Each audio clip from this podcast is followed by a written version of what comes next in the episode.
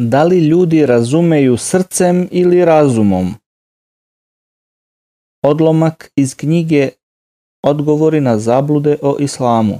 Dr. Zakir Naik. Zabluda.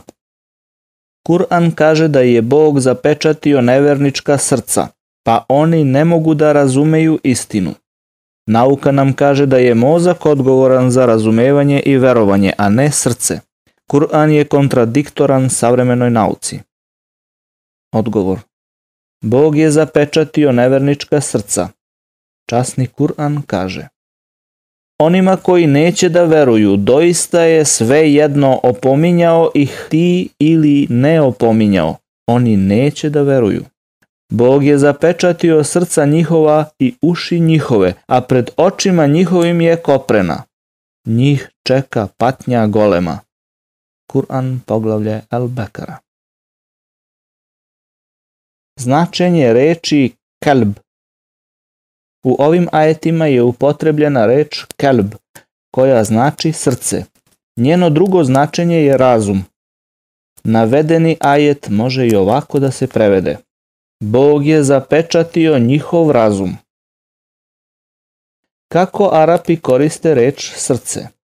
U arapskom jeziku reč srce se često upotrebljava u kontekstu centra razuma i emocija. Neki primjeri iz engleskog jezika.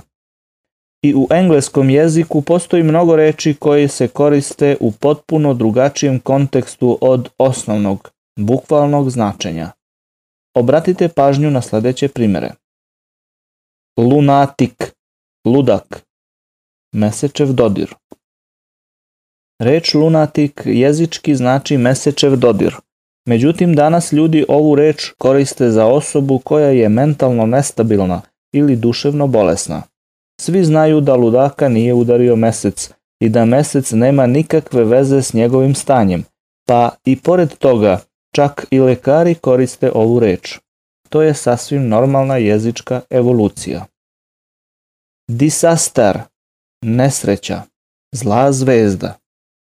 Reč disaster bukvalno znači zla zvezda.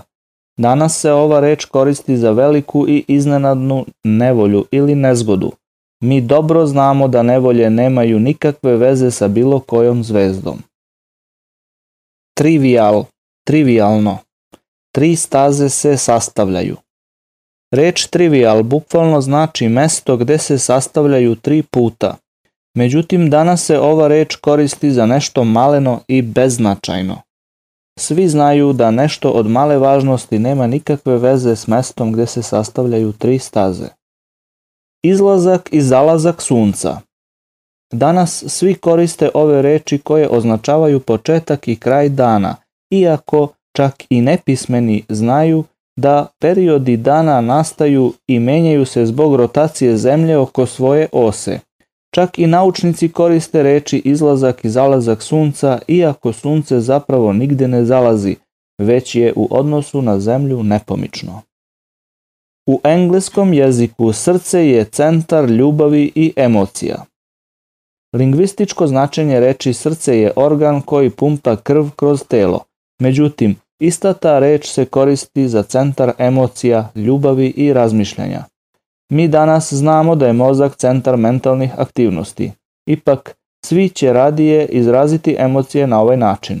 Volim te svim srcem.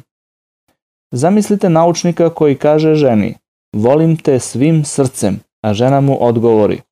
Zar ne poznaješ osnove nauke? Zar ne znaš da je mozak odgovoran za emocije? Trebao bi da mi kažeš, volim te svim mozgom. Arapi znaju da reč srce znači i centar razuma i emocija.